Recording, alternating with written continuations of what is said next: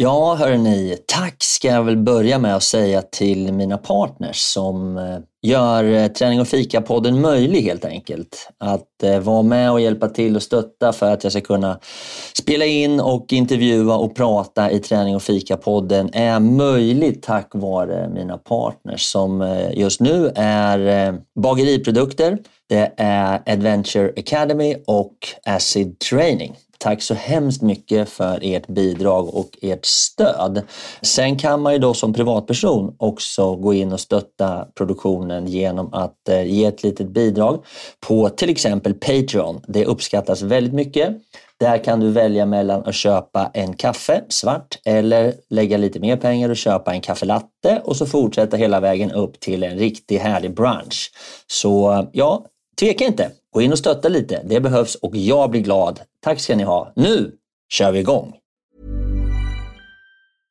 I'm Sandra and I'm just the professional your small business was looking for. But you didn't hire me because you didn't use LinkedIn jobs. LinkedIn has professionals you can't find anywhere else, including those who aren't actively looking for a new job but might be open to the perfect role, like me.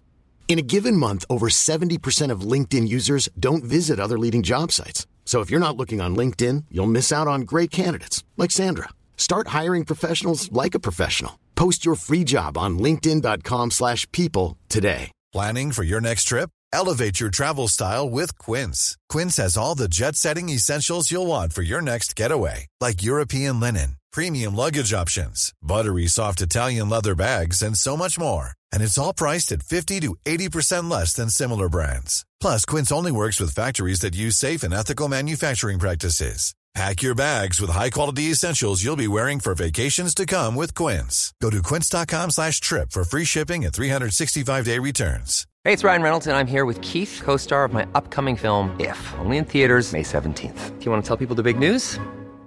All right, I'll do it. Sign up now and you'll get unlimited for $15 a month in six months of Paramount Plus Essential Plan on us. Mintmobile.com slash switch. Upfront payment of $45 equivalent to $15 per month. Unlimited over 40 gigabytes per month. Face lower speeds. Videos at 480p. Active Mint customers by 531.24 get six months of Paramount Plus Essential Plan. Auto renews after six months. Offer ends May 31st, 2024. Separate Paramount Plus registration required. Terms and conditions apply if rated PG. Det går ganska bra första gången. Jag vinner första övningen och sen andra övningen var den där övningen som dyker upp på Youtube ibland. För då hade de lagt in armbrytning, för jag var gammal Europamästare i armbrytning, så de hade väl lagt in en övning så jag inte skulle skämma ut mig. Och då bröt jag av armen på den största killen där. Nej. Så, ja, Kände du det? Ja, det var inte så svårt. Han svimmade och ramlade ner på andra sidan bordet, så det var inte... Det, det, det syntes ganska tydligt. Kära vänner, bekanta, släktingar och andra galna människor som lyssnar på den här podden. Varmt välkommen! Det är jag som är Fredrik Eriksson och du lyssnar på Träning och fika. Och idag känner jag mig fett liten. Men det gör jag med gott samvete för jag har med mig Magnus Samuelsson som är asstark och rätt stor också. Så jag ska jiddra med honom lite grann. Vi ska prata om träning, vi ska prata om kost och hälsa och, och sådana här saker som gör att man mår bra helt enkelt. Så håll i det nu för nu sätter vi igång. Det är dags för ännu ett avsnitt av Träning och fika. Välkomna! Träning och fika, vi kör hårt. Träning och fika, blåsa på. Träning och fika går ihop som kaffe och popcorn. Träning och fika, vi kör på. Träning och fika, blåsa på. Träning och fika, nu kör vi! Nu kör vi! Yeah! Jaha hörni, då har jag fått med mig eh, världens starkaste man och det är inte jag själv alltså, utan det är Magnus Samuelsson. Varmt välkommen Magnus! Hej alla, tack så mycket. Hur är... Det är ett tag sedan, ändå ja. säga. Men, eh, ja, men det, det, spelar ingen roll, eller hur? Nej, vad ska jag säga? Det är, det är en stor del av mitt liv. Jag levde som proffs i 15 år på det där. Och eh, så hade man väl rätt många år när man förberedde sig inför. Så tittar man i backspegeln så har det varit en hel del av mitt liv som har kretsat kring just tävlingarna som ja, där en av alla tävlingar heter Världens starkaste man. Men det finns ju flera olika serier och sådär. Så någonstans i världen var tredje vecka var jag i 15 år tävla. Alltså, får jag fråga en sak? Av alla tävlingars namn. Jag kan säga så här. Ironman, det är ju rätt coolt namn. Men världens starkaste man, det måste ju vara den absolut bästa tävlingen man kan vinna. Ja, men den är, det beror alldeles på vad man är för människa och vad man har för ideal och så vidare. Men för mig så, så är det så. För mig det är inget... Det, det, det finns... Under de här åren som jag höll på med det här så fanns det inget annat jag hellre hade velat göra. Jag, var, jag fick massor erbjudanden om att göra en det ena än det andra. Jag var amerikansk fotbollsproffs och det var, liksom, jag, jag, fick mycket erbjudanden för jag hade en, en samarbetsvillig fysik. Och, eh, men jag, jag, var, jag var mitt i det forum jag ville vara i. Så. Ja, men bara, bara känna på ordet världens stark. Det finns ju ingen kille som inte vill vara världens starkaste man. Det är så jävla coolt så jag trillar baklänges. Ja, men jag håller med. Eh, det är ett coolt namn. Och sen så gillar jag, jag tycker också det är någonting med just den original tävlingsformen. Sen förändras ju allting över tid. Men världens starkaste man är ju inte bara att lyfta saker. Det är också att försöka kombinera det med uthållighet. Eh, alltså du ska ha en fysik som klarar hårt arbete om man säger, alltså med lättare belastning. Låt säga att du håller på med någonting som kanske är 70 procent av max och så du klarar det en stund. Du ska även kunna prestera bra på maxeffekt. Eh, och, och, även kunna liksom förflytta sig snabbt. För det är det som är det svåra. Och bara göra en av alla de här tre är ju tämligen enkelt om man har lite färdigheter. Utan det, det svåra är att klara alla tre. Jag brukar säga liksom, jag har inget svårt att träna en kille som gör 200 i bänkpress. Jag har heller inte så svårt att träna en kille så han kan springa mejlen hyfsat snabbt. Men att få någon att först bänka 200 och sen springa mejlen snabbt direkt efteråt, det är svårt. Och det, det är det jävligt svårt. Det är precis det världens starkaste man handlar om. Och så var det för. Så de, tittar man på dem så, så tittar man på de här åren så även om jag var väldigt stark då på gymmet, så det jag la mest tid på, eh, eller mest, mest kräks på om man säger så, det var ju mjölksyreträning. Ja, det var det? Ja, ja, ja. Shit. Det kan man inte riktigt tro. Nej, nej, men det är, det är ju det är ett par, tre gånger i veckan eh, till man stupar. Alltså. Men du, vänta nu. Vi tar det här från början. Magnus, nu får du faktiskt ta och presentera dig för alla som inte har råkoll på dig. Utan berätta lite kort. Vad, all, ja, men så här. Jag heter Magnus Samuelsson, bor och håller till eh, södra Östergötland, 4-5 mil norr om Vimmerby. Jag är från början lantbrukare som, som hade eh, hela min uppväxt har jag tävlat egentligen i friidrott och gevärsskytte, störtlopp. Det är de tre sporterna. Och sedan någonstans där när jag var 15-16 år, eller när jag var 16 år, så började jag med styrketräning. Eh, mest för att, jag vet inte varför, eh, brorsan började och sen så, eh, så ty tyckte både han och jag att det här var ganska kul, förmodligen för att alla andra tyckte det var eh, löjligt på den tiden. Och sen så tog livet en annan vändning. Sen, eh, jag är idag 54 år gammal. Jag är gift sedan 27 år tillbaks eh, med Kristin Samuelsson. Jag har två barn, David Samuelsson och Sara. Eh, och lever idag ett liv där jag inte, som jag nämnde förut, på lite med kraftsport i några år. Och sen dess så har jag gjort mycket marknadsföringsuppdrag, rest världen runt och jobbat åt olika diverse företag, gjort mycket vildmarksfilmer och sånt. Och på något vis så halkade jag in som skådespelare. Så sista tio åren så har jag i huvudsak levt på skådespeleri och att driva ett eh, bolag som jag har. Det jag håller på ja, med. men berätta om det då. Det är lite kul. det är spännande. Ditt bolag nu. Det är så vi ja, har kommit i kontakt med varandra.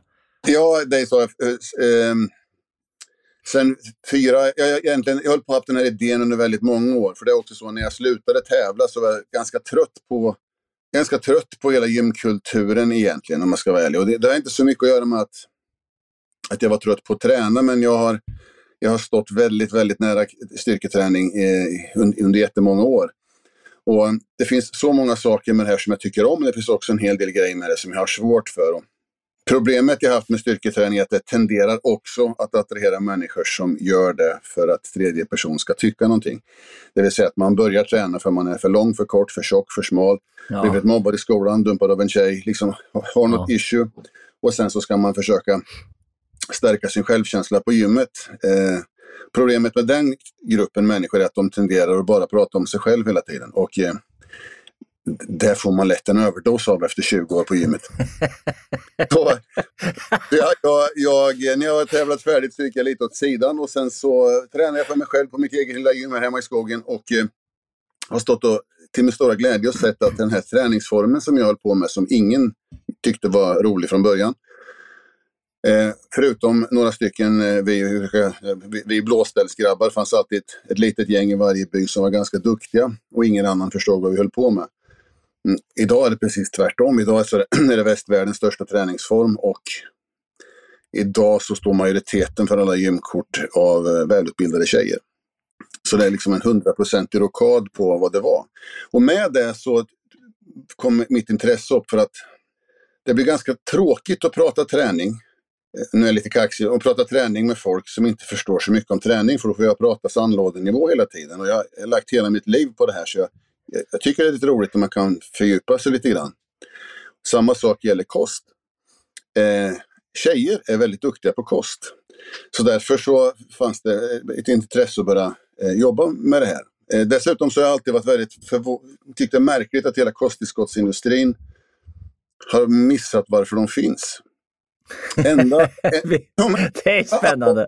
Ja, men allvarligt så är det så. Enda, enda anledningen att använda ett kosttillskott, den absolut enda anledningen, är att det ska kunna hjälpa dig att återhämta dig från träning på ett bättre sätt.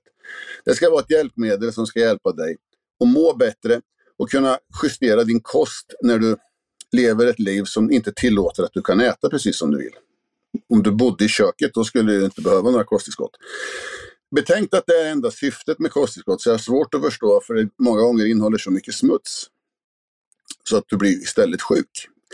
Eh, du, du, har alltså så mycket sötningsmedel i, så mycket dåliga grejer i som kroppen inte kan ta upp i alla fall. Och det kommer bara förstöra tarmfunktion och det kommer bli sämre av det. Då, eh, så jag har lite svårt att förstå var, hur hamnar vi i den här sitsen, alla ska göra nyttigt godis.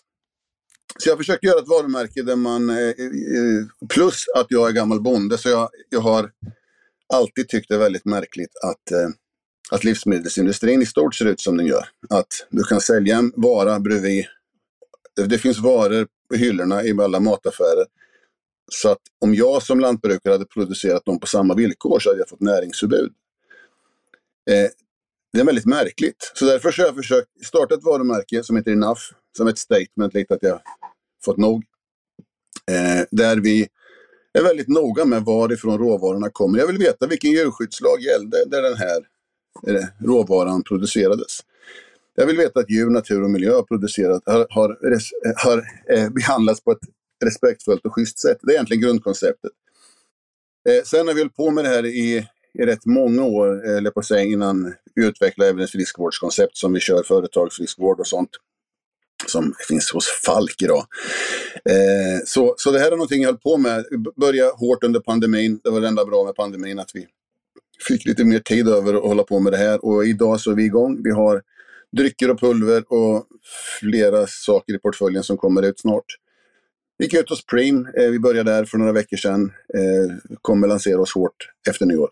Och vi har ju då med eh, Enough proteinvatten eh, som vi har med som i 8 Weeks of Dedication-programmet sen, eh, ja, ganska, ja, kan det vara, det är väl ett halvår ungefär. Så vi har det här som rekommendation och jag har ju testat det ganska, jag har testat rätt mycket proteinvatten. Och mm. eh, ja, men jag tycker det är kul med din filosofi. Jag tycker det är viktigt att det finns den här typen av företag och människor som du som, som säger, ja nu enough. Men, men, men mm. det är ganska intressant. Hur, jag är ju då skolad inom dagligvaruhandeln, har jobbat inom Procordia Foods och så vidare, Swedish Match och varit runt i dagligvaruhandeln i hela större delen av min karriär. Och slås ju ganska eh, tydligt av den här sockerkicksgrejen som jag tycker är rätt tråkig och rätt synd. Och för fem år sedan så var det nästan helt fånigt att alla skulle springa runt och äta nyttiga protein proteinshakes och annat som bara var fulla med socker. Så liksom, det var ju som att äta godis. Och hela den här grejen att det är bra att äta mörk choklad höll jag också på att bli tokig för. För helt plötsligt började folk käka massa mörk choklad och att det var nyttigt. Jag bara, det är ja. fortfarande godis liksom. Det, det är... Eh jag vet inte hur ska jag säga, men misstolka mig på rätt sätt, men en klok sak att göra är att läsa på en del. Så man kan grunderna kring kost och grunderna kring hur kroppen fungerar. Eh, för att när jag började med, med idrott så fanns det väldigt få forum att få tag i information på. Och väldigt få som kunde lära mig någonting egentligen. Så man fick så snällt eh, plöja igenom så många böcker och, och fråga ut och tära alla, alla läkarkompisar man hade. Eh, liksom så man fick en grundbild av hur fungerar det här? Eh, vad, vad, gör vad? Och någonstans just den här balansen mellan olika energier. Om vi har stärkelse som en energi och fett som den annan och olika hastighet på hur vissa saker löser upp och hur det påverkar blodsockerkurvor. Och vissa andra energikällor inte gör det. Beroende på vart man vill komma med sin träning, för det är också en helt, vi kommer säkert komma till längre fram, vad man tränar för. Kanske man ska ställa sig först innan man lägger fram ett träningsprogram. Eh, för annars så kommer det bli väldigt konstigt. Så, så allting har sin plats, men det här med att eh, försöka, precis som du säger, eh, det är klart att man kan äta något mindre stärkelse i någon form, eh, än, eh, för att det innehåller något mer än, än det sämsta alternativet. Men man ska alltid komma ihåg att det billigaste som finns är socker och det stoppar folk gärna i allting. Men du, Magnus, när du, när du när, om vi backar bandet lite grann. När mm. du körde som hårdast, när du liksom tog hem världsmästartiteln, världens starkaste man och så här. Alltså, kan, jag bara, kan inte du dra, hur såg en dag ut för dig då? För det här är så sjukt. Ja, jag vet inte om det är sjukt. Men egentligen är det så här att man får börja lite innan det. För, för, för det var så här i alla, i alla år när jag höll på och tränade så, så var det en rolig hobby jag hade. Och det, det här är en helt annan tid, en annan värld där det fulaste som fanns var att posera. För det var det mest omanliga som fanns. Så att ju grövre man vart, ju större kläder hade man. Så man tränade inte för att visa upp sig heller, utan det var något motsatt. Jag höll faktiskt på att jobba med en film som rör just det och, och Så det var någonting som jag och min bror höll på med för oss, för vi tyckte det var kul. Sen så började vi hamna i alla möjliga olika idrottsformer och tävla där mest för att vi vart övertalade, men det var inget vi egentligen brydde oss så mycket om. Sen hamnade jag, och då, liksom, då jobbade jag som vanligt. Jag, jag, jag drev en mjölk, mjölkgård ihop med min bror. Eh, inga anställda, så det var liksom sju dagar i veckan. Eh, börja kvart i sex och sen så körde man till sju på jobbet. Sen tränade man ett par timmar, sen sov man. Eh, och jag var, jag var en, en riktigt var kanske vältränad bonde på 24 och ett halvt år. Som åkte iväg med min flickvän till Skara. För, eh, Vilket år var det här? 98 eller? 5. 95. Ja, 95. Så 95 så åkte jag till Skara. Men för som sagt, vi hade plöjt ner ganska mycket pengar och grejer i den här gården. Så, så vi jobbade själva för att kunna betala av allting så snabbt som möjligt. Och sen så varje gång man försvann så jobbade föräldrarna extra hårt. Så, så, man åkte inte iväg om man inte hade en anledning. Så en, den här gången var anledningen att åka på någon bänkpresstävling som fanns i Skara. Och sen hade med oss hela kompisgänget och tjejer och allt det där. Och sen någonstans efter bänkpresstävlingen så var det en bankett. Eh, och på den tiden eh, så dansade inte Samuelsson frivilligt. Så min flickvän får omkring och dansar med allt och alla där inne. Sen kom hon tillbaka och sa Vet du att imorgon ska de ha Sveriges första, Sveriges starkaste man inne på Skara Sommarland. Så att om vi anmäler dig till det där så får ju säkert hela gänget komma in gratis om de är coach. Är det sant? Var det Bert Karlsson eller? Nej, det var, det var ju hans era var det. Jag, kom inte, jag såg inte honom där den dagen i alla fall. Men det var han som ägde stället. Sen så... Så du fick ta med dig till coachgäng in då? Ja, så nästa dag så ställde jag upp där och sen mycket riktigt alla andra kom in gratis och vi gjorde det som en plojgrej. Och eh, när solen gick ner den kvällen så hade jag vunnit den här tävlingen. Och sen så åkte vi hem, tänkte inte så mycket mer på det. Och sen eh, gick det någon vecka så ringer det en tjej från London och frågar eh, om jag vill åka till Bahamas och tävla där. För då hade de varit och tittat på den här tävlingen. Och på den tiden så vägde jag kanske 120 kilo och var en liksom, ma magrutare och ganska slim, vältränad lantbrukare egentligen. Inte, ja. inte specialtränad på någonting, men visst, jag var hyfsat råstark. Gjorde en bra bit över 200 i bänk för att vara så smal och liksom, så var jag hyfsat stark. Men, men hade inga som helst ambitioner egentligen att komma någon vart med träning. det var en, en avkoppling som jag hade. Eh, du, hur, lång, hur lång är du Magnus? Två meter är Du är två meter och vägde 120 då när du var 25? Ja, då är du, då är du ganska smal om man ska vara ärlig som två meters man. Ja, det är inte så att, man, eh, som att du står i, i vägen i dörren direkt. Nej, nej, men sen, sen när vi väl kom ner, ner till Bahamas där jag och Kristin är, så, så insåg vi ganska snart, och det visste jag nog innan, att det här, det här, det här har de gjort fel. Eh, för ser du någon som väger under 135 kilo på en sån här tävling så är det någons coach. Det är så, så det, stora killar. Ja, mellan, mellan 135 och 200. Där någonstans brukar de väga. Vad Så- väger du som mest? Jag är väl eh, lå- så 150, 55 oftast. Jävlar. Några år i början där så låg jag kring 140. För det som händer är att det går ganska bra första gången. Jag vinner första övningen och sen andra övningen var den där övningen som dyker upp på YouTube ibland. För där hade de lagt in armbrytning, för jag var gammal Europamästare i armbrytning, så de hade väl lagt in en övning så jag inte skulle skämma ut mig. Och då bröt jag av armen på den största killen där. Nej. Så, ja, Kände du det? Ja, det var inte så han svimmade och ramlade ner på andra sidan bordet, så det var inte... Det, det, det syntes ganska tydligt. Så, så, Men vänta, eh, vänta, vänta, det här är helt stört. Så du kommer upp glad i hågen mot en annan jättekille. Nej, alltså, i ärlighetens namn så, så jag var inte jättekillen där. Jag, jag var Nej, men du var en tvärminst. liten skit då, om man säger så. Den här killen jag bröt av armen på, jag vet inte om ni har sett, det finns en gammal film med Brad Pitt som heter Troja. Där kommer det ut en jätte från en armé som slåss i början och det liksom, de ska slåss man mot man, eh, representera varsin armé.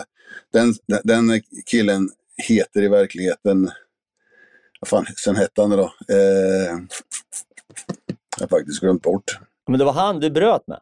Ja, Nej. två, kommer snart på vad han heter, men han, han är, han är 2,08 tror jag och sen vägde 155-160. Så, det, så, bröt jag, så jag bröt av armen på honom och det har varit ett väldigt ståhej efter det där. Och efter det så visste Men alla vänta, vänta. Ja, det här är lite kul tycker jag. Så han kommer dit och 208 och tycker att du är liten då, eller? Känner du honom? Ja, jag- jag ser ut som, alltså jag, jag ser verk, ut som något, något, ett barn bredvid honom. Det är, det är en jätteman. däremot, däremot så är det ju inte svårare än så att alla är bra och alla är dåliga på olika saker i livet. Och jag vet inte varför, men just armarna har jag haft oförskämt lätt för att vara stark jämt. Så jag, jag visste att han skulle få jobba för det, men jag trodde inte att det skulle gå så här. Men vad händer då? Så då, då, då, då kopplar ni ihop er. Känner du redan där att det här kommer jag vinna? Nej, alltså eh, det är ju rätt mycket på spel, så man är hårt med adrenalin. Så man, jag, jag, jag kan tänka rätt bra under press oftast. Men, jag känner inte så mycket. Alltså man känner inte hur tungt och lätt något är. Men däremot så märkte jag ganska snart att före starten, så här, för första matchen vinner jag, så andra, i andra matchen, jag bästa tre, i andra matchen bryter jag av armen på honom. Så det jag känner är att om jag lyfter honom bakåt så viker han sig, att, att, att han är skör, i, hand- alltså han är inte stark nog i handleden. Det, det, det märker jag ganska tydligt. Så när starten går så försöker jag bara lyfta honom bakåt, så viker sig handleden och sen så bryter jag honom i sidled. Och sen så, när jag börjar skjuta, på i sida så, ja, så, så går armen av. Snappar det då, eller vad händer liksom? Ja, du bryter ju av här uppe. Det blir som en torsionsstav. Ah, det är det uppe var- vid det- armbågen, eller? Ja, mitt, mitt, mitt under bicep om man säger. Skrek han då, eller? Nej, han bara sjönk ihop på andra sidan. Det, eh, ja, han, eh, han försvann ner på andra sidan bordet och sen så ta- tappade jag lite konceptet några sekunder och sen så... så det, och det där var absolut inte någonting som var med mening och det var... Det var det, det var det är liksom. Grejer händer ibland. På den där tävlingsformen är väldigt elak. Det, det, det är ju jättehög procent varje tävling som, som går sönder. Men efter det där sen så vinner Men har du pratat med honom Ja, sen ja. dess? Ja. Vi, han, kom, han kom tillbaka året efter och gjorde ett försök och sen tävlade han inte mer. Eh, så. Men det, Knäckte det, där var alltså? början, det där var början för mig. För efter det så visste alla vem jag var. Eh, jag kom till final på första världens. Räckte inte riktigt till för jag hade aldrig brytt mig om att träna ben och sånt på samma vis som behövdes där. Men däremot så förstod jag när jag åkte hem därifrån att det här är min möjlighet i livet. Jag, jag såg att det här är jag förhållandevis lätt för. Och för första gången någonsin så visste jag varför jag tränar. Och om du bara vet vad du ska använda kroppen till så är det ganska enkelt att lägga upp ett system för att gå åt det hållet. Så efter det, då la jag om kosten. Det här är en väldigt lång intro för att berätta vad jag äter, men fram till dess, fram till, dess, fram till dess åt jag egentligen som alla andra egentligen, fast lite Ja. mer. Samma måltider, bara att jag åt mer än alla andra. Efter det så la jag om kosten, så kanske från att ligga på 4000 kalorier till 8000 kalorier om dagen. Eh, Vad innebär det då? Plus att, jag, är lite det här med att säga kalorier är ju bara halva sanningen. För att det beror ju på, om du äter 1000 kalorier som skjuter blodsocker så får du ett resultat av det. Eller om du äter 1000 kalorier av någonting som inte gör det så får du ett annat. Ja. Och betänk att ju mer ju mer du äter när blodsockret är lågt, ju mer kommer du gå upp i vikt. Så för oss då som ville gå upp i vikt så är det bara att trycka ner blodsockret så lågt man kan. Och det bästa sättet att trycka ner blodsockret det är att dra en 1000 kaloriers gainers eh, en halvtimme, 45 minuter före middagen. Så det gör som alla, höll på att säga, som alla tjockisar gör. Du går och dricker cola hela tiden. Alltså du, du dricker socker så kommer blodsockret börja gå så här. Men Ja. om du gör det kontrollerat så är det väldigt enkelt att gå upp i vikt. Så jag gjo- gjorde det där. För jag började när jag vägde, vägde 120 som sagt. Och när jag tävlade nästkommande säsong, då vägde jag 137. Jävlar! Och sen gick jag, men då inte fet, men jag kände att jag kan inte hålla på så här för jag kommer bli fet. I början svarade kroppen väldigt, väldigt bra på den här dieten. Sen så lugnade jag ner mig lite grann med just de här eh, och blandade i mer havre i de där istället, de här drinkarna emellan. Men sen så, eh, ja, sen två år senare, så två år senare då, då kom jag trea på världens. Året efter det vann jag. Sen var jag topp tre där, lite till för. Och då, och då låg jag någonstans mellan 145 och 155 kilo beroende på lite vad det var för övningar. Och, Ja, men en sån dag då? En, en sån dag när du väger 150 kilo. Då går du upp. Nu vill jag höra, för det här tycker jag är lite spännande. Du går upp på morgonen, god och glad kexchoklad. Och vad händer då? det som hände är att efter halva karriären, eller en, en tredjedel in i karriären, så slutade jag jobba helt. Och bara, ja, sanning med modifikation. Jag, istället för att jobba på gården så gjorde jag massa jobb åt de företag som jag hade marknadsföringsuppdrag med, eller sponsorer som det hette en gång i tiden. Men jag har aldrig haft några sponsorer, jag har haft samarbetspartners, så att jag gör jobb åt dem. Och vi, vi har haft lång, långa samt, samarbeten med alla de där. Så alltid någonstans man skulle vara och göra någonting. Men annars var det upp ungefär vid sex och sen så startar man på alternativ ett. Det var en, en liter yoghurt som man drog som en, som en shot. Sådär. Eh, och sen, sen eh, efter det så gick det en stund så drog man en, en, en liten fin mjölkdrink som vi var nästan lite kändis för. En liter mjölk, eh, fem deciliter havre och sen drog man tre skopor gainers i det där. jag tänkte säga, där kom Gainers. Ja, det, Den är god. bring- Den är god. Ja. Ja, ja. Tills Ja, det sen då? Tills det kräks det några gånger så är det inte fullt så gott. Det, det, det, det, det, det är ungefär som att åka rallybil med någon. Så här. Om man tar, jag håller på med motorsport lite allt möjligt. Folk missar jämt det mest uppenbara. Alltså, om man tittar i rally så tänker jag, åh vad de sladdar i kurvorna. Här, om det går utav helvete på rakerna. Det glömmer folk bort. det, det är samma sak med styrketräning. Det, det, är inte bara äta och gå till gymmet. Man ska göra lite där också. Ja, nu har du dragit två, två liter här då, på morgonen. Mm. Vad händer sen? Ja, sen, så, sen så jobbar jag då eh, antingen på gården på den tiden eller också vet du, eh, planerar eller satt på kontoret och sen så kör man ju en, eh, nästa middag vid halv ett, vid tolv, halv ett. Sen körde jag nog... För Och vad käkar du då? Då åkte jag egentligen vanlig, vanlig Husman. kött, ja vanlig husman. Sen Mycket. hade jag jättemycket av den varan. Jättemycket. Sen- Var det sen så- alltid så att du tog två tallrikar eller? Ja, det, det blir det ju. Men det, det, det konstiga är att när man tänker tillbaks. Vet du, när jag slutade tävla så var det ett par saker självfallet som man såg fram emot och, och, och inte behöva göra längre. Eh, och det, det var två grejer som stack ut mest. Det ena var just eh, att, att äta mat. Det var, det, var, det var det jag var mest trött på av allting. Och det andra var att åka flygplan. Liksom. De två sakerna jag var sjukt trött på. Okej, vi var- nu har vi kommit till lunchen Magnus. Nu har vi kommit till lunchen. Men egent, egentligen sen så repeterar man ju det. För sen, sen vid lunchen då äter du en riktig husmanskost. Sen så drar man ju ett pass antingen före lunchen eller efter. Men oftast efter. Kör jag två pass om dagen så kommer jag köra första passet. Jag har provat alla möjliga system. Jag vet ungefär hur jag ska bära mig åt. Eh, och, men det kan vi ta längre fram. Så, så att man kör ett pass sen någonstans eh, en halvtimme, 45 minuter efter lunchen. Sen är det ju lagom att äta en, en för vi åt alltid middag igen vid, vid fyra. Fyra? Ja, för det har att göra med vi hade djur, vet du, så vid fem, mellan fyra och sen till halv sju var det djurstallen. Mm. Och sen så, så eh, tränar vi, så drog man någon gainers. För sådana där mjölkdrinkar drog vi tre om dagen. Ja, Det är, det är 3 4 tusen kalorier bara i det. ja det, och, och sen kör man ett, ett rejält gympass eh, nummer två då, vid sju på kvällen. Eller också de allra tyngsta perioderna, då körde man ju bara ett pass. För det är ju, eh, alla, många frågar sig, hur mycket körde du när du körde som mest? Här? Eh, sanningen är att den träning du blir grov av, den är hyfsat eh, kort. Och, och jag ska kort bara förklara hur styrketräning funkar som jag ja. ser det. Ja, ja, kör, det, kör. Vi ska prata om det här nämligen. Ja, ja men det blir så här att kroppen kan bara bygga celler i ett visst tempo. Det, det, det finns liksom, annars får du ta fram det, det otillåtna vägen om du ska liksom få metabolismen att gå snabbare än vad vår Herre har tänkt sig att Mm. den ska gå. Eh, om du då tränar på ett sätt där du dödar mer celler än kroppen bygger på en dag. Så för styrketräning det är ungefär som vanlig hederlig bokföring. Om det är fel färg på siffrorna på sista raden så har du gjort en dålig dag. och, och, och, och, det är verkligen precis så det är. Så styrketräning i sin renaste form när det går ut på att bli stark ska vara kort, koncentrerad, blytung i, i, i merparten av det. Så kroppen får alla du, du, blir aldrig starkare eller bättre på gymmet. Det gör ju kroppen när du har gått hem. Det är bara ett sätt för att tala om för kroppen att det här ska vi jobba på.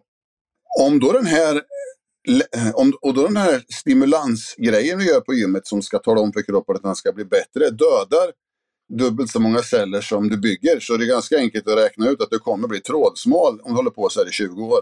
Eh, men klen. Helt fel för dig. Helt fel. Så om man, i den fasen jag var när jag behövde bli så stark som möjligt, då, då gjorde jag väldigt så här koncentrerad träning, tung explosiv för den fibern ska få stimulans. Lite mer, så jag varierade hastighet och belastning. Väldigt precis, så jag visste vad jag höll på med. Jag tror inte det spelar någon som helst roll om du kör 15 övningar eller om du kör en övning. Eh, alltså kroppen kan bara, muskeln kan bara kontrahera sig, det är det enda den kan göra. Det enda han känner av är hur mycket motstånd och hur lång tid det tar olika fibrer för olika stimulans. Göra det så koncentrerat som möjligt, men då ladda ur. Och det är det här som är... Det är svårt att säga det utan att det ska låta kaxigt, men en, en elitidrottsman, han kan tömma sig själv på 45 minuter så han har feber på kvällen. En motionär, han kan hålla på i två timmar, han är ändå inte riktigt trött. Det är skillnaden. Eh, det är precis det det handlar om. Det är så sjukt, det är så kul att du säger det. För att det, jag bedömer det så här, riktigt framgångsrika människor, oavsett om det är eh, inom träning och idrott eller om det är inom affärslivet, eh, och du får väl representera båda här, men skillnaden mellan elitidrottare, det är att de har en förmåga att köra hårt själva och förstå vad som är hårt. Medan vi vanliga fåntrattar som mig tycker liksom att, ja, jag tränar och grejar, men det händer ingenting. Nej, det, det måste vara. Och sen, jag, jag, jag, märkte, sen tror jag alla vi är lite olika, men jag, jag, lärde mig ganska snart vad jag svarade bra på. Hur systemen skulle gå ut för att liksom bygga muskler och, och, eh, och var gränsen gick. Det, det, det, handlar mer om att försöka känna efter jämt. När går jag över gränsen till överträning? För gränsen till överträning, som vi förmodligen går över gång på gång på gång, är största fienden om man är ambitiös. För så fort du går över den så försvinner alla resultat. Jo, men just, ja, och det håller jag med om. Och, men jag tycker det mest fascinerande i det här som du egentligen säger, som jag alltid har trott, är att de som blir bra på någonting, de kan träna hårt själva och kan träna själva utan att vara med i massa olika hej och grejer som bara tar massa energi. Utan, och det är det som är skillnaden. Det är samma sak. Oavsett sport. Kolla på Duplantis. Fattar du hur mycket han har tränat själv? Jag tror verkligen att det är så. Vi var jag, min bror och min granne Nisse, jag, Tobbe och Nisse. Och vi körde alltid ihop, men vi körde ju aldrig ihop, utan vi var där samtidigt. Ja, bara för att det är trevligt. Ja, bara för det. Och egentligen så kom vi dit och sen så pratade vi varandra lite kort, kort. Vi var ganska koncentrerade innan. Och sen så efter de här korta hälsningsfraserna så hade vi en gigantisk stereoanläggning där borta. Så bara drog man på den så det var omöjligt att göra sig hörd. Och sen så var det ingen som sa något till någon. Först en och en halv timme senare när vi gick därifrån, då pratar man. Ja. Det är, ju, det är ju inget socialt rum det där direkt gymmet, utan det var... Nej, men det är för att träna. Var det för att träna. Ja. Det är roligt om man är ett gäng där alla vet exakt vad, vad, han, vad han går för. Så om någon gör någonting som är lite bättre så, så ser alla det. Ingen säger något, men man ser det. Och, och likadant ifall det går lite sämre än vanligt så vet man att båda Där kan man få att, höra dock. Det, förmodligen, men inte då. Utan det kommer, men de, de, noterar, Så Det kommer sen. kommer sen så. Och sen det var det ena fasen av det. Sen efter en stund då när man har fått upp så mycket effekt så att man, man måste ju ändå alltid vara eh, objektiv i det man håller på med. I mitt fall så visste jag att jag ville försöka vinna de här tävlingarna då. Och då när man någonstans ser att nu är effekten inte problemet längre. Nu har jag lika mycket effekt eller mer som de, de bästa. Då handlar det bara om att få uthållighet. Om jag kan klara mig i 10 sekunder längre än de andra på full belastning, det är där poängen är. Mm. Och då är det helt andra system. Det var då vi började köra de här, om du känner till dem, vi körde en period sen vansinnessystem. Det var bara mjölksyreträning då, vi körde så här ryggborgarmärket till exempel. Det var så här 200 kilo marklyft, 100 reps på 35 minuter utan dragremmar. Släppa stången mellan varje rep. Det, det, på gymmet det är ryggborgarmärket, det ska alla klara. Fan. Och det blir man också hyfsat trött av. På 35 minuter sa du det? Ja. Det är länge men- också. Ja, men det är bara ett ultimat test. För det syns ganska tydligt vilken form man är i efter det. Antingen så... Du måste vara Antingen- sjöblöt då. Du måste vara helt, helt slut. Det är ju helt stört. Ja, det smakar lite illa i munnen gör det i lungorna. Jag gjorde, det värsta jag gjorde tror jag var innan VM 90 26, där precis innan jag la av. För då hade jag haft massa diskbråck och grejer. Jag la av 98, men jag var, jag var nog som starkast egentligen. Eller 26, 27. Eh, Då gjorde jag 76 reps på 2,50 i mark. Gjorde jag. Utan dragrem. 76. 76. Det är himult mycket. Eh, men bara som, men det, var, det var mer bara för att se hur mycket mjölksyra tål kroppen innan det stannar. Fick du träningsvärk sen? Eh, det är klart, det, när du gör sådana där, det där, om man backar till det jag sa förut med ett sånt där pass skadar kroppen. Det Mycket. handlar bara, det, det handlar bara om mjölksyreträning. Det, Mm. det, det, det har en, en, en rent negativ effekt på din styrkekurva. Det liksom, det är bara, bara Ja. misshandel. Det mer en värdetest på var är jag någonstans nu. Det är det det handlar om. Men det är också kul att göra sånt där ibland. Alltså det Det, är det, det det. Så att efter en sån där dag så, så mår du skräp ett par dagar sedan. ett par dagar. ja. Ja, det gör det.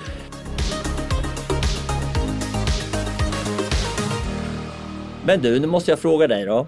Nu, om vi nu tar det här framåt, eh, framåt lite grann och så, och så du är lika gammal som mig ungefär och så tittar man då på merparten av Sveriges befolkning som eh, vi har det bättre och bättre men vi mår sämre och sämre. Och det är många, många, många människor som har någon typ av förutfattad mening om att gå och träna på gym. Och där Magnus, är du ett av de stora problemen. För att du är alldeles för stor och stark och lyfter för att du är så jävla duktig och du tränar på ett sätt som gör att man, som alla människor tror att man ska gå till gymmet och prestera. Och nu är jag lite taskig då, men jag säger så här, de flesta människor skulle må, eh, jag, jag, jag överdriver inte, de skulle 100% bättre av att gå på gymmet än de gör idag. Om de bara gick till gymmet. Men problemet Ja. är att så jävla många människor tycker att det är tråkigt på gymmet. Och vet du vad det beror på? Det är ditt fel. För det finns sådana här stora jävla starka människor som dig. Och så tror alla sådana här spinkisar som mig att man måste gå till gymmet och lyfta som fan för att, att kunna vara där. Och det behöver man ju inte.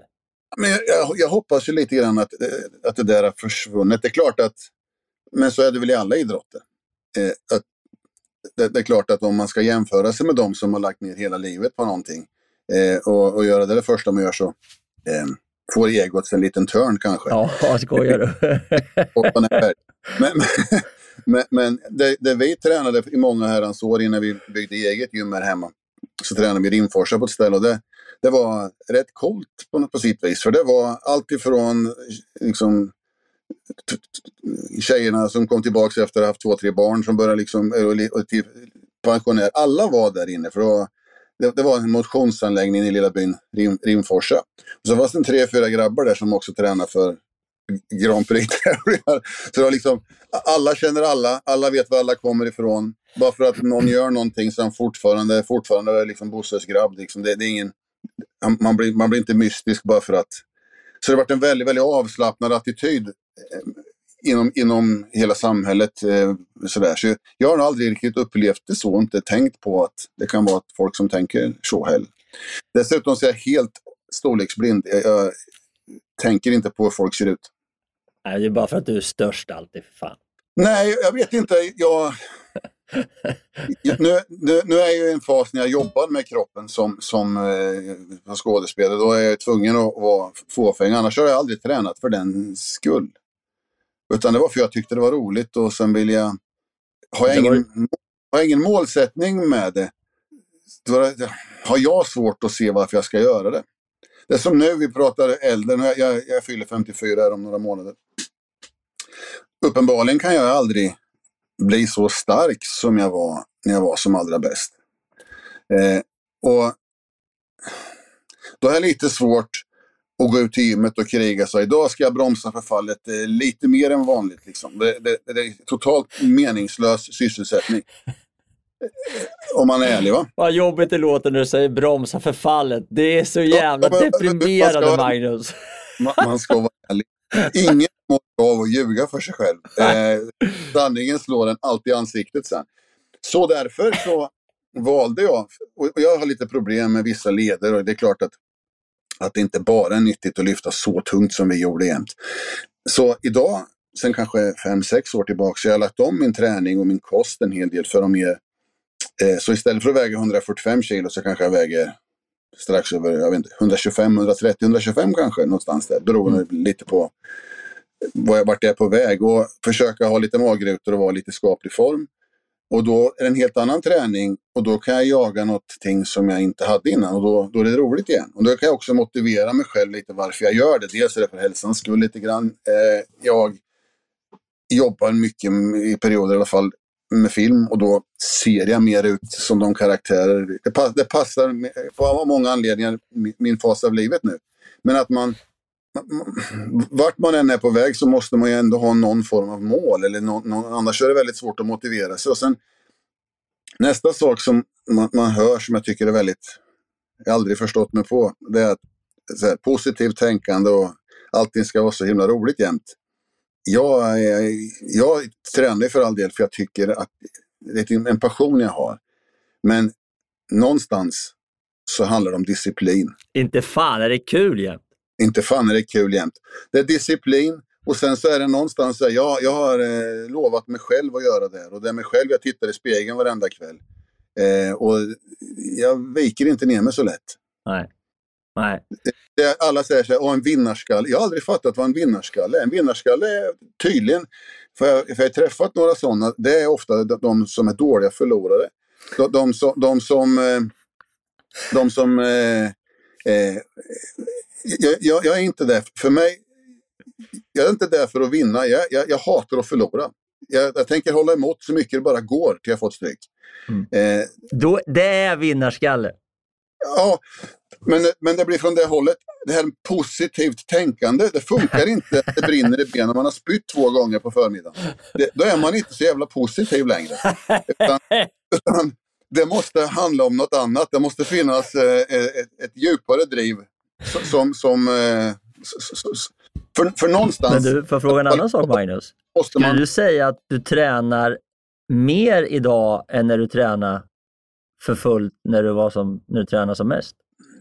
Nej, det, jag, jag kör idag. Jag försöker säga att jag kör 2-2 systemet men det blir nästan jämt 3-3 så jag kör tre dagar vidare en, tre dagar vidare en. Eh, jag kör högre puls idag och jag kör stegar där jag ligger på högre reps.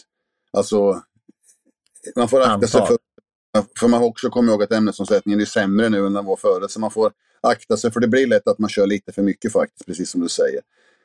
För, förr i tiden så körde man egentligen tre, som brukar säga, vågar av belastning. Den där första vågen är explosiv och tung där man börjar med fem, sex singlar. Uppvärmning och sen en lätt singel, tyngre singel och sen jobbar man sig upp till man nästan gick upp mot max. Sen samma övning och så gjorde jag en våg om femmer. Lätt femma, mellantung fem och så hela vägen upp. Och sen efter det så körde jag ett par, tre högrepsset. Sen är det klart. Om du gör det i, i basövningar så, så kommer man ganska snabbt eh, få upp effekten. I, idag, idag så får jag göra något liknande fast med, jag, jag törs inte gå ner på så låga reps för skaderisken blir för stor. Ja. Så det var, det var egentligen det jag menade. Tidsmässigt så om du körde när det kördes som hårdast då så kanske det tog 40 minuter och samma, ett, ett pass idag kanske tar en timme och tio minuter. Det 20 det börjar bli varmt för fasen. Man, man kan böja ihop sig. Exakt, komma under stången. Det är inte så jävla lätt. Inte så lätt. Men du, en helt annan fråga som jag tycker är lite rolig. Jag tittar ju lite koll på dig sådär, för jag tycker du är en jävla härlig människa på många sätt och vis. Men att du har varit med, att du har varit med i filmen som, eh, vad heter det, eh, en av dina första filmer var ju den här Göta kanal. Är inte det, det tycker jag är fantastiskt roligt. Ja, men, men egentligen var jag ju inte där. Det, det som hände var att när, när jag slutade tävla, då, då hade jag gjort det här dygnet runt i ganska många år, i 15 år. Och när, man, när man börjar med en sån här grej så tror man aldrig.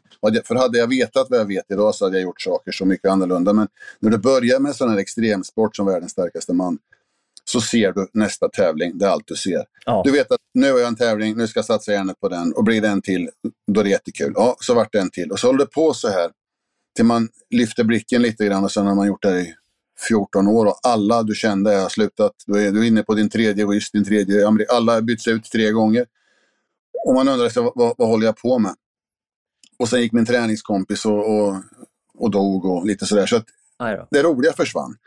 Och då när jag bestämde mig för att sluta så här, då var jag ganska trygg. nu ska jag åka hem och sen ska jag driva jordbruket och jobba 7-4. Jag hade, ett, jag hade några val att fundera på. För konstigt nog, så här, i USA så gick ju det vi höll på med tre gånger i veckan, tre gånger om dagen på största sportkanalen. Så där visst, det var jättelätt att vara med i, i USA.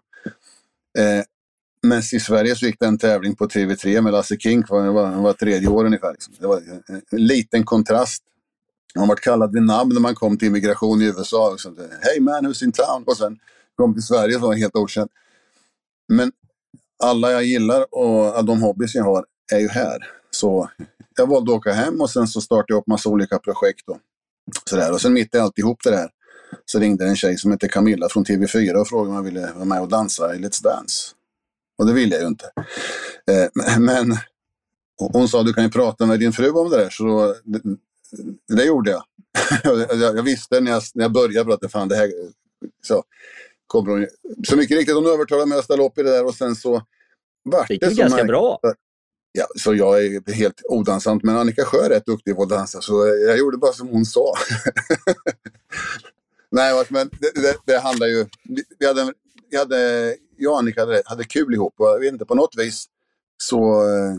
Ja, så, så, så slutade det med att, att, vi, att vi vann det där. Mm. Och det, det mest otippade hände att det här som skulle bli en, lugn återgång till att jobba vanlig 7-4. Jag har ju nästan varit mer upptagen de här sista 10, vad det nu är, 10, 13, 15 åren än jag var innan medan jag tävlade. Det, det vart ju ett förfärligt ståhej eh, efter, det, efter det där och sen massa olika företagsjobb och sen 1, 2, 3 så då var jag med någon dag och gjorde det här eh, Göta kanal. Men det var, alltså jag var bara där över dagen och sen bort igen.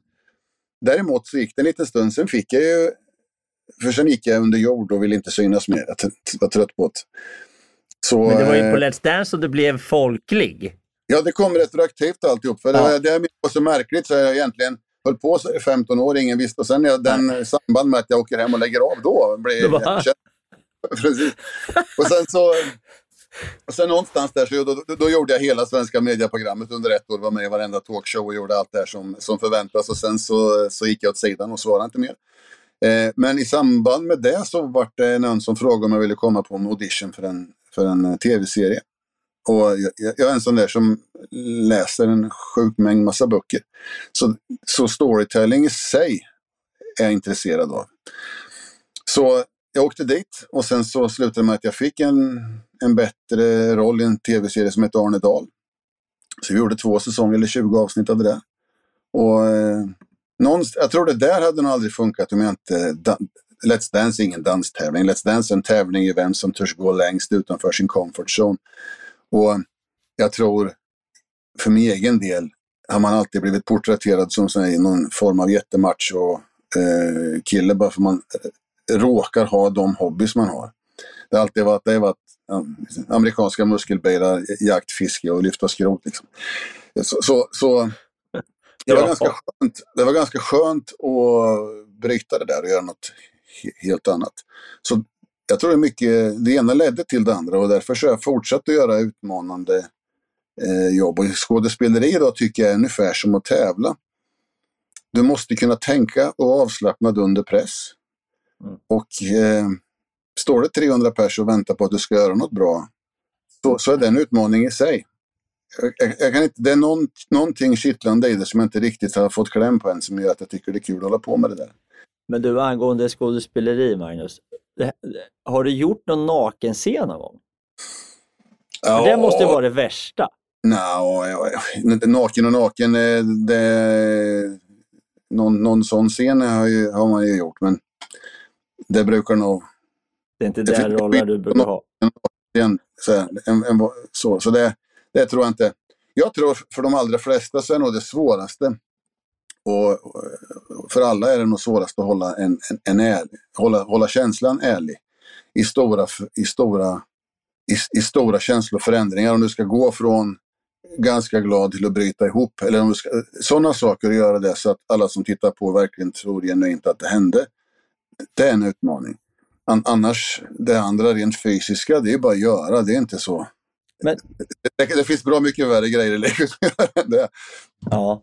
Men när du, när du, du, nu har du, du, du gjorde ju den här, den heter typ La- Last Kingdom eller, eh, när du var med i den, den var en, en amerikansk eller brittisk eller vad var det? Men där var du också med. Var det skillnad på att jobba hemma i Sverige när det gäller att göra produktioner och, och jobba ut? Alltså, jag, jag har gjort så lite så. Det vart ju Arnedal två säsonger av det och sen så, så vart det ganska tyst där. Sen så, så tänkte jag inte att det, liksom, det är väl vad det är. Så, eh, jag hade inga förväntningar att det skulle bli någonting mer av det heller. Men sen så, sen så eh, fick jag, som du säger, med i Last Kingdom. Jag var med en säsong där och i samband med det så lär, jättegoda kompisar där, fick tag i en bra agent. Man vart trygg, för jag var med där ganska länge. Men det är under ett- något halvår, lite sju månader. Och då, lite trygg att vara framför kameran i stora sammanhang. Och sen, sen har det liksom tickat på. Så jag är nästan inte... i- Jag ska göra någon, något på svenska språket här nu i vinter. Och det är farligt nära så jag tycker det är konstigt att prata svenska på film. För jag har tränat så kopiöst på engelska de sista tio åren. Så, så du vet, så fort kameran kommer på så, så känns det mer naturligt att prata engelska. Ja, det, jag, jag, jag, grann förstår det faktiskt. Det är kanske också Ja, jag har mindre dialekt på engelska tror jag än jag har på.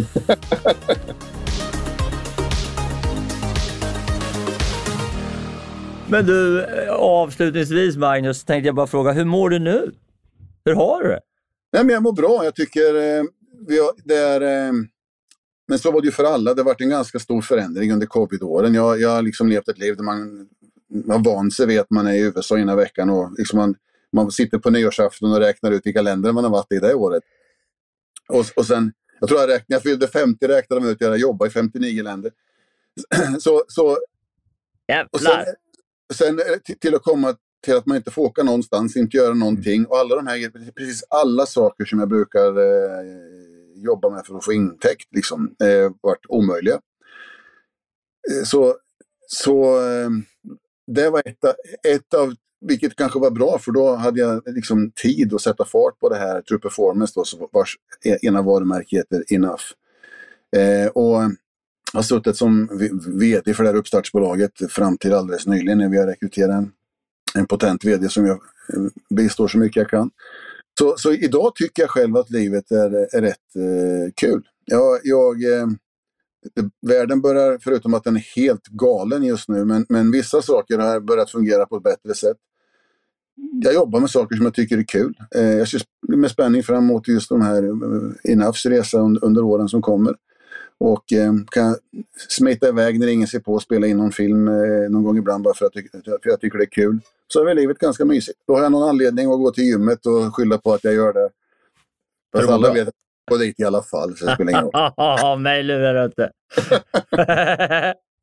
Men du, avslutningsvis då, om du skulle ge eh, om du skulle ge en vanlig, en vanlig medelålders man eller kanske till och med mer en kvinna då, en, en 45-årig kvinna som har lite förklimakterieproblem som ska försöka få ordning på sitt, sitt gymliv. Hur, hur ska hon tänka? Vad ska, vad ska, vad, ge några tips. Jag tror att man, eh, det, det, finns en hel del man vill egentligen tala om för folk. Det ena är att eh, är, ingen mår fullt så bra som den claimar att, att den, den gör. All, alla har sina issues och alla kämpar med sina grejer. Det, det gör jag med. Det, det, är klart att det verkar i, i delar av kroppen efter 15 års misshandel på tävlingar. Så. Så, så, så det är aldrig roligt för någon jämt.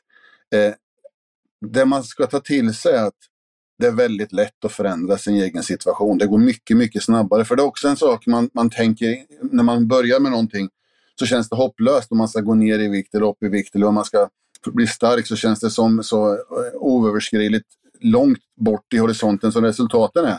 Och det är det inte. Redan efter, redan efter några veckor så märker man stor skillnad.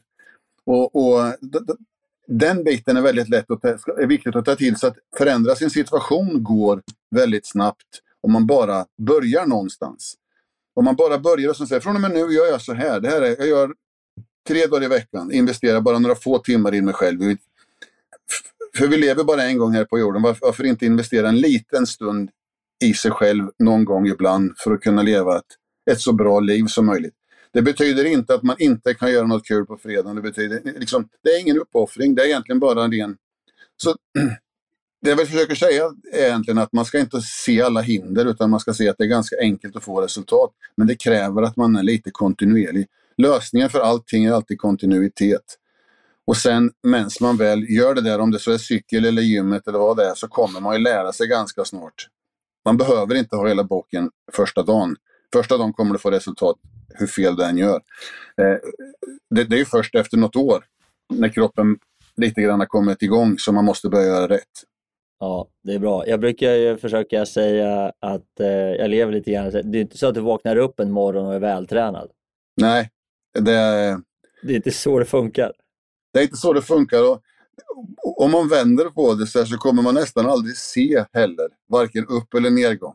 Det är därför man måste ta någon bild någon gång ibland. För att, eh, det, och det tror jag också att de som håller på med konditionsidrotter är nästan lättare att se framstegen. Man märker att eh, shit, nu, nu, nu brinner det inte lungorna längre i den här backen. Eh, men, men än en gång, om man tränar man friidrott då, då ska man mäta och greja och fixa för att veta om man är på väg upp eller ner. Det är en del eh, för jag är, jag är en sån där gammaldags person, så en del tränar med PT och så har jag full respekt för det. Men för min egen del har jag alltid det roliga varit att försöka klura ut hur når jag nästa nivå. Eh, det rent fysiska, lyfta ett järnrör upp och ner, det är ju, det är ju inget man står och gapskrattar åt eh, i sig. Utan det är ju hela matematik, ekvationen, hur jag förflyttar mig härifrån och dit bort. Eh, så. Men om man inte är intresserad av sånt så, så, är det ändå ett väldigt enkelt sätt att se till att man mår bättre och ändå får förmånen att ha en fysik som väldigt få av era gamla klasskompisar får ha.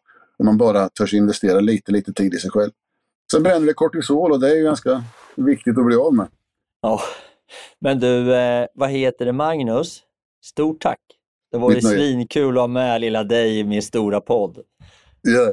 Sen vill jag bara säga en grej som jag tycker också är sjukt eh, märkligt att ingen tar till sig. Vad använder kroppen för energi när kroppen gör vad? Ja. Kör, du, kör du adrenalinträning, så här, eh, två sniff i ammoniakflaskan och sen kör fem reps marklyft, då är, det, då är det glukosreserven i levern du bränner. När du kör kardiovaskulär träning, då ska du ligga under en nivå där du alltså bränner fett istället. Ja, så du ska men inte det är svårt. som en jäkel till gymmet för då har du bränt sönder glukosreserven. Ja. Utan gör saker i rätt ordning och lite grann läs innehållsförteckningen på hur kroppen funkar så, så går allting så mycket, mycket lättare. Ja, men det är kul att du tar upp sådana saker. Vi skulle, kunna, vi skulle kunna prata rätt mycket om just den här, hur man ska göra vid olika situationer. För där vi egentligen började Magnus, det var så här, varför ska jag träna? Vad har jag för mål? Vad är för syftet? Vad vill jag åstadkomma? Den frågan, alltså på riktigt, det räcker inte med att säga ja. se snygg ut på stranden, för det är inte tillräckligt. Och så finns det en grej som jag glömt säga, och det är det mest uppenbara av allting. I träning, eller i kost, vad det än må vara, så ibland lever ni i en perfekt värld och kan göra vad du vill och äta vad du vill. Då gör man det bästa. Men annars så handlar det jämt om att göra det minst dåliga alternativet. Och gör man det konsekvent så kommer man komma ganska långt. Och hela tiden gör det som är minst dåligt för kroppen så kommer man komma ganska långt. det låter enkelt men ändå hamnar man ju där. Ja, men du hamnar där. Du går ja. på buffén på lunchen så kommer ja. det finnas ett par alternativ. Ta det som är minst dåligt. ja, fan. Nej, det är härligt Magnus. Du, här får du en kram från Stockholm ner till Småland höll jag på att säga. Stort tack och eh, jag hoppas att vi ses snart och då ska jag ta med dig till gymmet och ska jag visa dig vart fan skåpet ska stå. Det är framåt. I love you man. Good. Hej.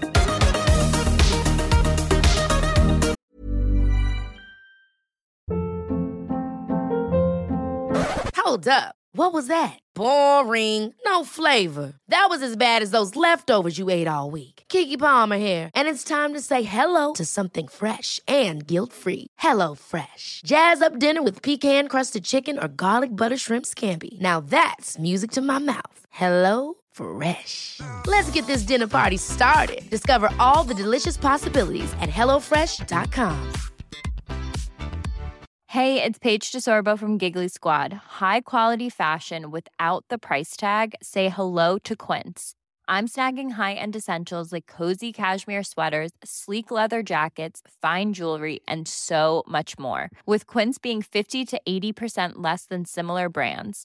And they partner with factories that prioritize safe, ethical, and responsible manufacturing. I love that. Luxury quality within reach. Go to quince.com slash style to get free shipping and 365 day returns on your next order. Quince.com slash style. Mom deserves the best, and there's no better place to shop for Mother's Day than Whole Foods Market. They're your destination for unbeatable savings, from premium gifts to show-stopping flowers and irresistible desserts. Start by saving 33% with Prime on all body care and candles. Then get a 15-stem bunch of tulips for just $9.99 each with Prime. Round out Mom's menu with festive rosé, irresistible berry chantilly cake, and more special treats. Come celebrate Mother's Day at Whole Foods Market.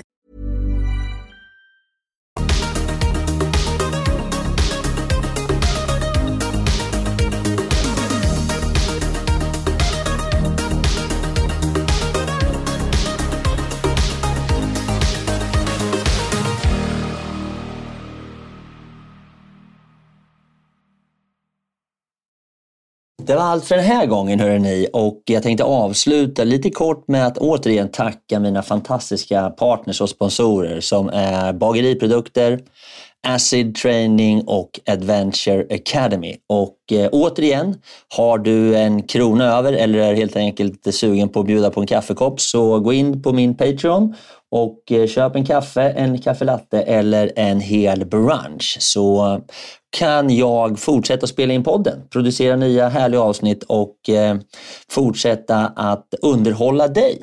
Hoppas du har haft en fin lyssning och att vi snart hörs igen. Tack så mycket. Hej då!